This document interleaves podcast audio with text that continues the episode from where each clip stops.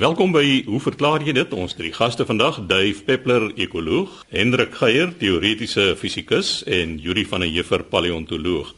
Dave, ons begin by jou. Jy het 'n vraag ontvang van 'n luisteraar wat wil weet watter diere word blind gebore. Chris van Joey Strydom van Lindley sê die vraag: Is daar nog ander diere wat blind die wêreld inkom? Heelwat, Joey, heelwat.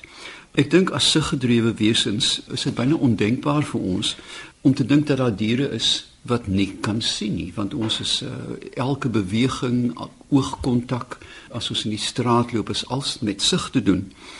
Maar dan moet ons ook dink dat daar wel diere is wat net vir 'n gedeelte van hulle lewe blind is nou visie is uiters belangrik veral by die primate soos ons want ons moet voedsel vind en ons moet roofdiere of predatore probeer vermy Nou dink ons spesifiek aan die primate, dan moet hulle nou onderskei tussen 'n giftige vrug en nie. Daar is die ongewervelde diere wat hulle eet wat soms aposomatiese kleure dra wat waarsku teen giftigheid. Dink aan die muisond en sekere rispus en skoenlappers wat helder gekleurd is wat sê moet my nie eet nie en veral paddas uiteraard wat baie giftig kan wees.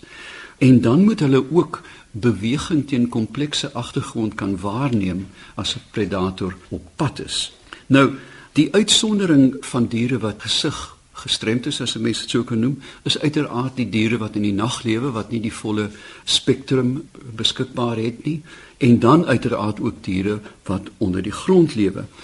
Nou, daar is diere wat totaal blind is. 'n Mens dink aan sekere molle, die sterneusmol wat nie eens vestigiale oë het nie. Daar is blinde jagspinnekoppe in grotte in Laos. Daar is grotvisse grotkrieke, die Texas salamander, garnale en krewels. Die sleutelwoord hier is grot. Dit is diere wat afgesonder is in donker toestande en oor die millennia heen is die seleksie druk op hulle sodat hulle letterlik hulle oë totaal verloor het want hulle het hulle werklik nie nodig nie. Daar is geen rede om 'n oog te hê nie. Maar dan is daar ook gedeeltelike blindheid. Meeste mense dink dat vlermuise blind is. Dit is glad nie so nie. Hulle kan in 'n klein mate sien, veral die wat met echolokasie navigeer, maar dan is daar 'n subgroep, die Megachiroptera, die vleiende vosse wat uitmuntende sig het want hulle navigeer uiteraard nie met klank nie. 'n Verdere skakering van hierdie blindheid is uiteraard diere wat blind gebore word en later eers dat die oë later oopgaan. En hier dink 'n mens uiteraard aan konyne, nie hase nie. Nou konyne word baie primitief gebore. Hulle oorkanale is verstop, die oë is toe. Hulle word in 'n nesie gebore wat die ma van haar pesare maak en hulle is absoluut hulpeloos. Hulle lê daar en een soms twee maal 'n dag kom sy druk die tepels in die nes in, hulle suig verwoed en dan los sy hulle weer. En na tyd raak die oë oop en hulle begin die wêreld om hulle verken. Een van die redes hiervoor is uiteraard dat indien hulle oë en ore het, kan hulle begin rondloop soos enige stout kind. En hierdie inperking van die sintuie hou hulle dan beperk tot die nes. In teenstelling met hase waar die kleintjies sogenaamd voortvarend is, die oomblik as hulle gebore is, kan hulle begin rondkruip en dit is 'n interessante uitkom tussen hierdie twee naverwante groepe hoekom die een totaal hulpelose kleintjies het en die ander voortvarende kleintjies. Ons dink aan die mens waar die visie van die baba onvolledig is en dat hulle die eerste paar dae reeksintuiglik op die tepel afpyl en nie as gevolg van jy weet mos 'n baba kyk jy met sulke melkrige oë aan. En dan uiteraard ook katte en honde wat met nie blind nie maar met toe oë gebore word. Nog meer interessant Julie en jy kan dalk later daar iets oor sê is die buideldiere soos die kangaroos en die wallabies en die buidelrot in Amerika, die possum, waar die fetus na 33 dae, nou dit is 'n ontsaglike primitiewe wesetjie, blind, doof, maar tog met gryppote van die geboortekanaal dan deur die hare kruip en dan permanent vasheg aan 'n tepel vir baie baie lank. Die eerste verskyning van die diere is eers na 190 dae wat hulle in die donker aan hierdie tepel vassit en dan volledig ontwikkel. Na 200 dae begin hulle eers die buidel verlaat en eh, die wêreld om hulle verken. Nou As 'n mens dink aan die akuïteit van sig, ons primate is trikromaties, met ander woorde ons sien naaste by in die blou, groen en geel spektrum, maar meeste ander diere is dikromaties. Hulle kan nie so goed sien nie, maar ons weet byvoorbeeld dat bokke onsensitief is vir die blou spektrum en dit is waarom kamoufleerdrag deesdae skakerings van blou is. Dan by insekte raak dit baie meer kompleks. Ons dink byvoorbeeld aan tropiese visse en voëls wat baie meer kompleks is as die mens kan sien. Duwe is tentakromaties. Hulle kan, jy weet, in vyf bande sien. Van die skoenlappers is tetrakromaties. Hulle kan ses reseptore en dan is daar van die stomatopoda wat 12 reseptore het. Met ander woorde, ek dink dit is van die garnale van hierdie helderkleurige garnale. Heelwat diere word blindgebore en kry later dan sig. Baie diere is in terme van die mense visuele spektrum gesig beperk. Maar dan is daar ook 'n hele klomp diere wat baie beter as ons kan sien. Ek dink veral aan voëls wat 'n sogenaamde fovea het wat 'n verdigting van stafies is, byna soos die zoom apparaat in 'n kamera.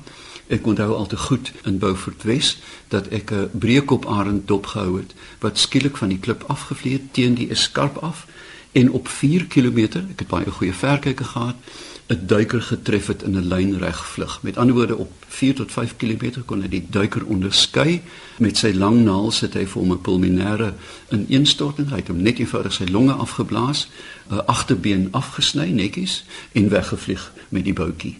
So, daar is diere wat baie beter as ons kan sien maar uiteraard die ander deel van die of die oorkantste deel van die spektrum is diere wat glad nie kan sien nie en dan hulle wêreld moet aftas met ander sintuie vibrasie, temperatuur, sekere gasse soos CO2 wat sekere diere dan op afpyl om so te kan voed.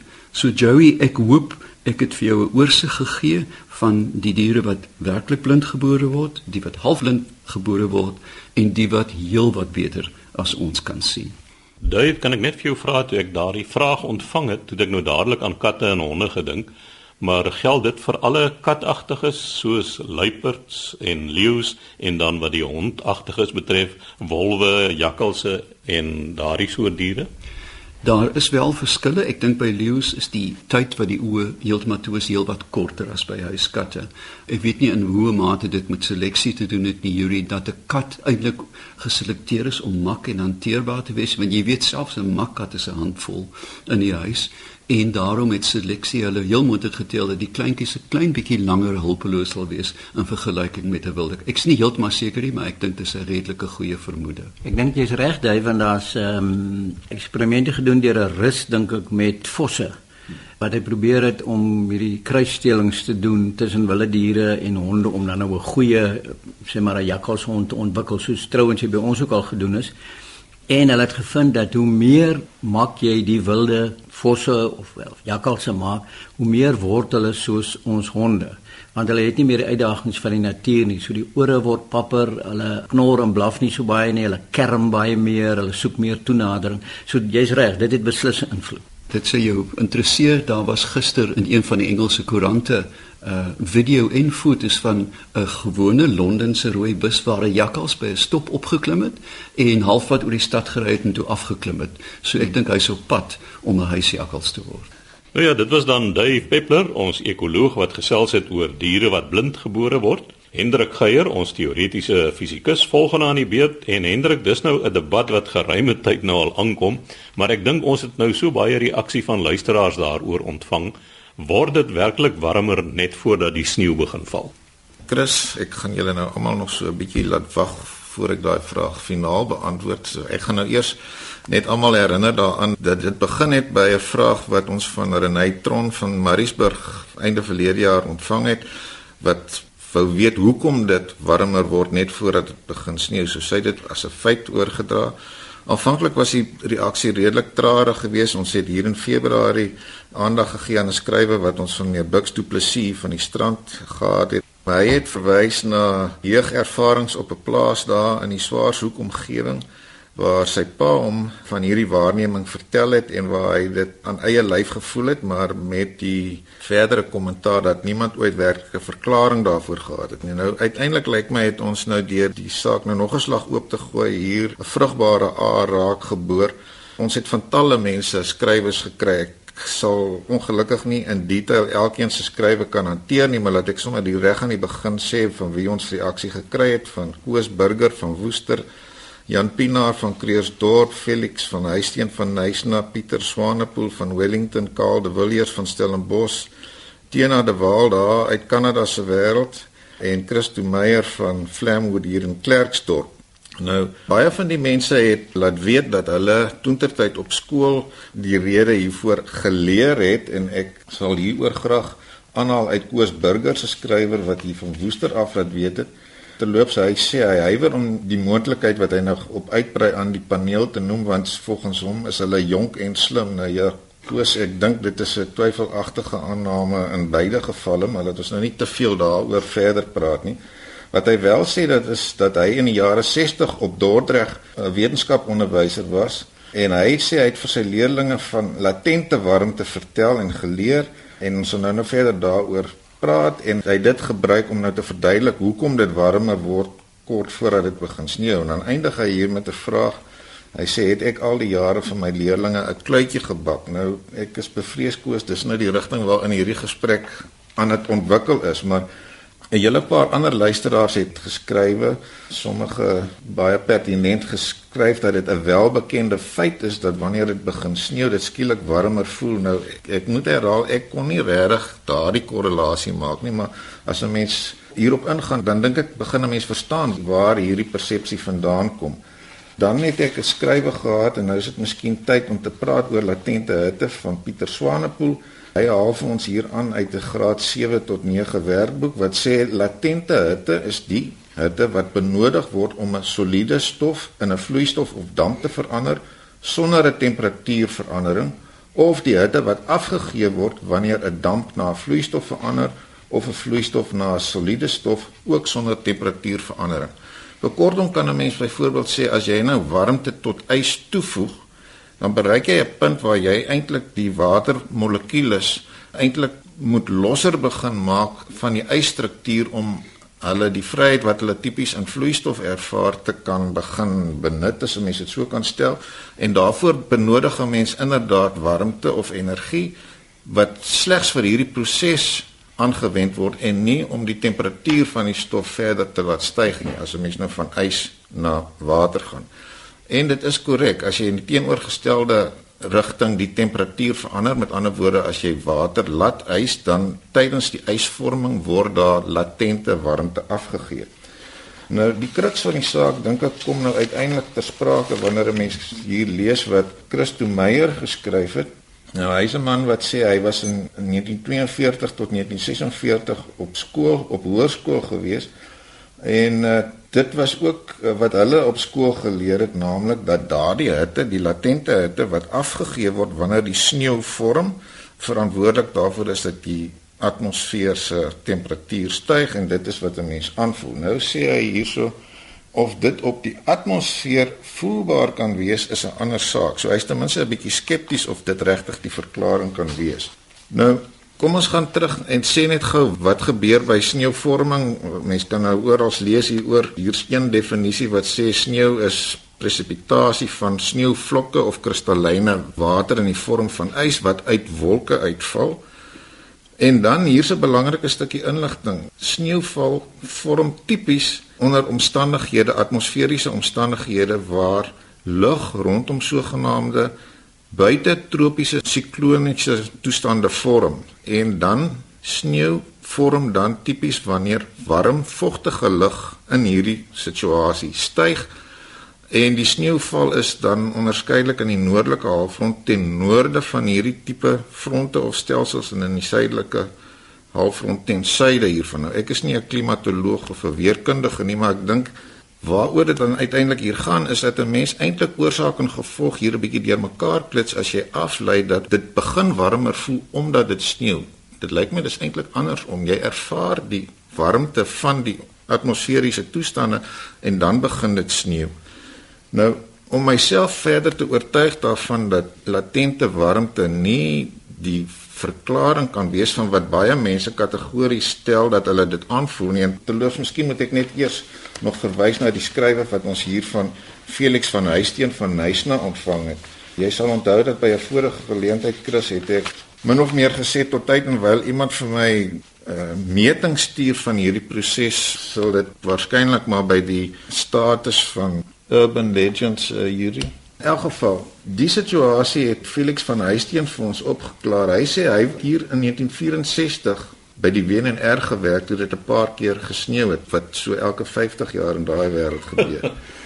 nou hy sê hulle het toe 'n termograaf uit die laboratorium gehaal en op die dak van die gebou waar hy gewerk het, daar by die WNR gesit en hulle kon werklik daardie temperatuurverskil meet. Met ander woorde dat dit warmer was net voordat dit begin sneeu het. So daar is 'n meting, wel dis een meting en mense graag meer sulke metings wou sien om te sien presies wat die skaal hiervan is, maar nietemin ek dink nie 'n mens kan twyfel daaraan dat hierdie nie net 'n persepsie is nie, maar 'n werklike waarneming, maar weer terug by my stelling, ek dink die volgorde is dat sneeu vorm nadat hierdie geassosieerde warm front ingetree het wat die sneeu veroorsaak. So jy voel werklik daardie warmer atmosfeer kort voordat dit begin sneeu. Nou terug by die rol van latente warmte. Wat my gehelp het hier was om te gaan kyk wat is die tipiese waterinhoud van 'n wolk. Nou die soort syfers wat 'n mens lees is dat vir vlieswolkies, cirruswolkies is dit maar omtrent 0.03 gram per kubieke meter vir donderwolke omtrent 1 gram per kubieke meter. So kom ons werk met die grootste syfer hier 1 gram water per kubieke meter. Nou die latente warmte van water is 334 kJ per kilogram. Met ander woorde, dis die hoeveelheid warmte wat vrygestel word wanneer 1 kg ys gevorm het uit water of omgekeerd hoeveel warmte jy moet toevoeg tot water by 0 grade om dit om te sit in ys by 0 grade. Verder het, moet 'n mens weet hoeveel warmte het jy nodig om lug se temperatuur tipies met 1 graad te laat styg. Hier praat 'n mens van die spesifieke warmte, kom ons sê maar van droë lug. Nou by standaard temperatuur en druk, dit wil sê hier by 20 grade en atmosferiese druk is dit omtrent 1,2 kg per kubieke meter.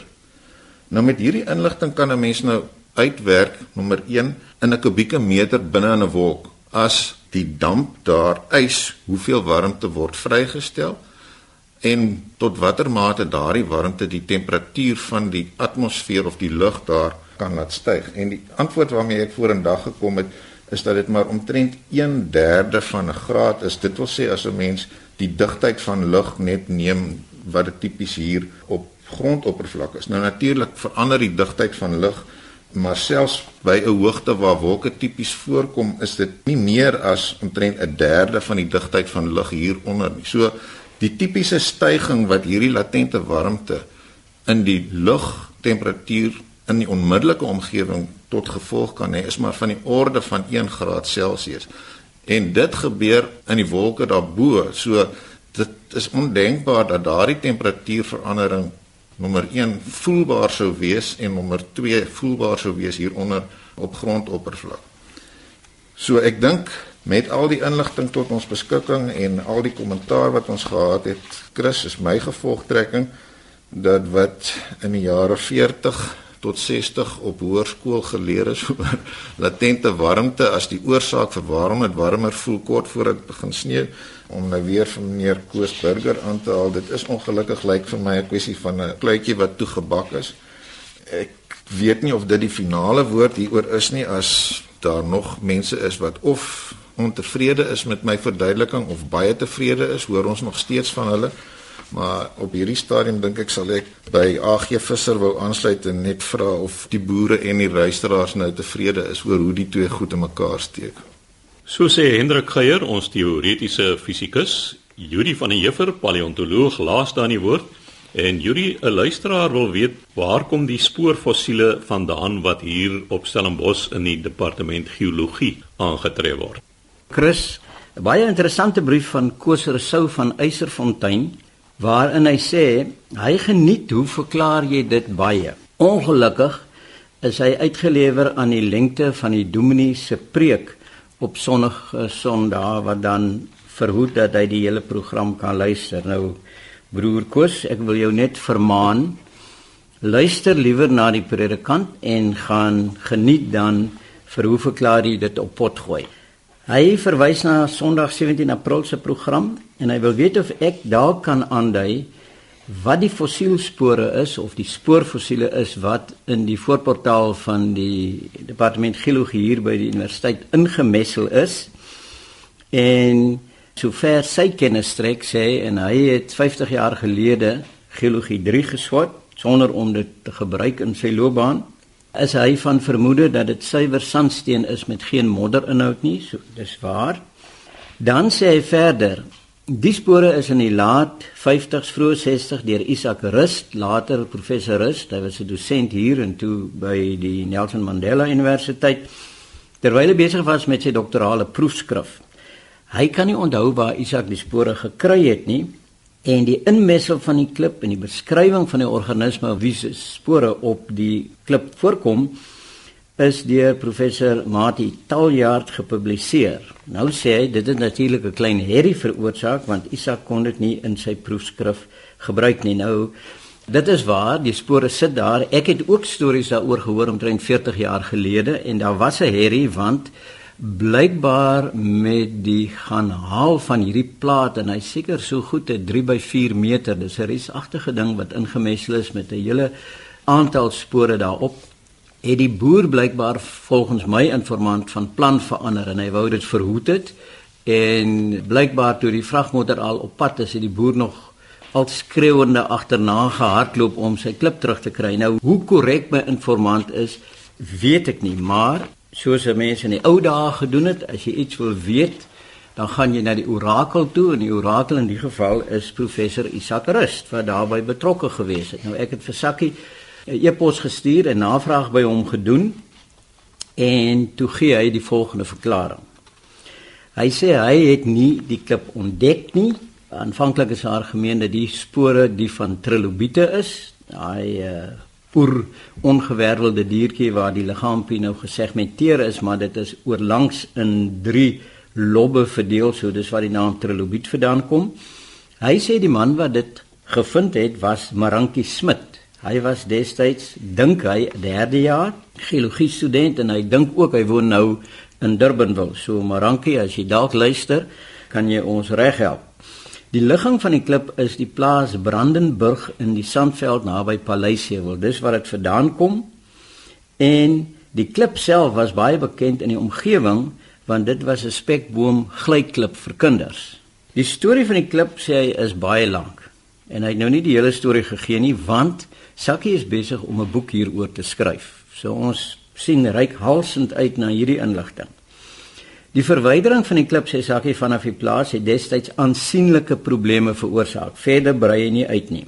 Mati sê hy het wel 'n artikel daaroor gepubliseer in die Suid-Afrikaanse Geografiese Tydskrif min of meer in 1962. Wat hy toe gedoen het is hy het 'n gedetailleerde kaart wat Sakkie van die spore en die klip geteken het, het hy toe in die artikel gebruik sonder my toestemming of om erkenning aan my te gee. En die laaste sin wat hy sê is dit het in hoofletters groot en weer in hoofletters groot drama veroorsaak. Nou ja, dit lyk vir my dat die soort drama nou nog plaasvind soms tussen studieleiers en studente. Nou vir baie jare is dit aangeneem dat die spore op die klip deur trilobiete veroorsaak is. Daar is 'n groep van die trilobiete wat nie pelagies was nie, nie vry swemmend nie, maar hulle het op die bodem van hierdie seesand geloop en die spore agtergelaat. Maar in die onlangse tyd is daar weer navorsing oor gedoen en ook as gevolg van nog fossielfondse wat gekry is en dit word nou beskou as die spore van 'n seeskerpioen. Nou seeskerpioene is net sulke ou ongewervelde see diere en as mense meeste mense hier rond weet hoe lyk 'n kreef en as jy nou 'n kreef vat en jy druk hom plat dan jy 'n uh, goeie idee van hoe 'n seeskerpioen lyk maar die stert het in 'n punt geëindig agter. Dit was nie daai telson die plat stert van die kreef nie. Die goed word wêreldwyd gekry En ek was gelukkig genoeg geweest om deel van 'n ekspedisie te wees rondom 1972 toe ek nog 'n student gewees het en ons groepie het toe daar naby Omrooi Oosthuizen die bekende Omrooi Oosthuizen van Fossiel Farm met sy plaas Swartskraal en net langs Swartskraal het ons afdrukke gekry van 'n reuse seeskerpioen in as ek reg onthou amper 2 meter lank. Dit is uiteindelik deur Omrooi en 'n buitelander beskrywe en ehm um, hierdie seeskerpioen met die snaakse naam van Sirtoctenus wittebergensis wat nou na die sedimente verwys is toe uh, gepubliseer. En toe die ding gekry is die dag in die veld was die stukke so groot ons het dele daarvan 2 2 mense op gooiingsakke teruggedra na die voertuig toe. Dis 'n geweldige groot durasie om rooi in die aand by sy mikroskoop gaan sit. Hy het sy hele museumpie op die plaas gehad en het dit korrek geïdentifiseer Nou hy is 'n legende in Suid-Afrikaanse paleontologie. Hy is ook later erelid van die paleontologiese vereniging gemaak en hy het aan slaaploosheid gelei. Soos hy in die veld gewees het in die nag en hy kan nie slaap nie, dat hy sy flits gevat en gaan fossiele soek met die flits. En hy het belang gestel in ongewervelde diertjies, so dit is 'n baie presiese soort soektog gewees. Nou naby Lensburg 'n paar jaar gelede is daar ook een van die fossiele ontdek ongelukkig in 'n baie swak toestand. En 'n uh, ander baie bekende geoloog Hannes Stroon wat steeds hier op Stellenbosch bly het in samewerking met 'n uh, Britse paleontoloog in die Soomskalie naby Klein Willem het hulle ook een van hierdie seeskerpioene ontdek wat toe nou beskryf is. Dis omtrent 450 miljoen jaar oud En in hierdie geval, in die soomskalie, is daar 'n ongelooflike soort preservering. Ek dink dit het te doen met die vervanging van die weefsel. Ons praat hier van weefsel van spierweefsel deur kleiminerale. Sodat hulle in hierdie fossiel het hulle spore van sagte weefsel gekry, van spiere in die ledemate, 'n uh, idee gekry van hoe die spysverteringskanaal gelyk het en dan ook hierdie diere het so 'n spiraalklep Ek dink Dave haie het mos ook so 'n spiraal in hulle ingewande wat help om die kos aan te stoot. Nou hier is so 'n spiraalklep by hierdie seeskerpioene gekry. Sagte weefsel wat gepreserveer is. So dit is absolute unieke preserveringsmetodes wat gebruik is. So om jou vraag dan nou min of meer te beantwoord, sakkie het die storie van die fonds en die moeilikheid daaromtrent gegee. Dit word nou beskou dat die spore op die klip is die van seeskerpioene en nie van trilobiete nie. En as 'n mens Stellenbosch besoek, dink ek is dit tog die moeite werd as jy in die goed belangstel net om in die voorportaal van die geologie departement te gaan kyk om hierdie unieke spoorfossiele te sien. Baie dankie Koosresou. Dit was dan Juri van der Heever, ons paleontoloog. Die tyd het ons ook ingehaal. Skryf gerus aan, hoe verklaar jy dit? Posbus 2551 Kaapstad 8000 of stuur 'n e-pos aan chris@rsg.co.za.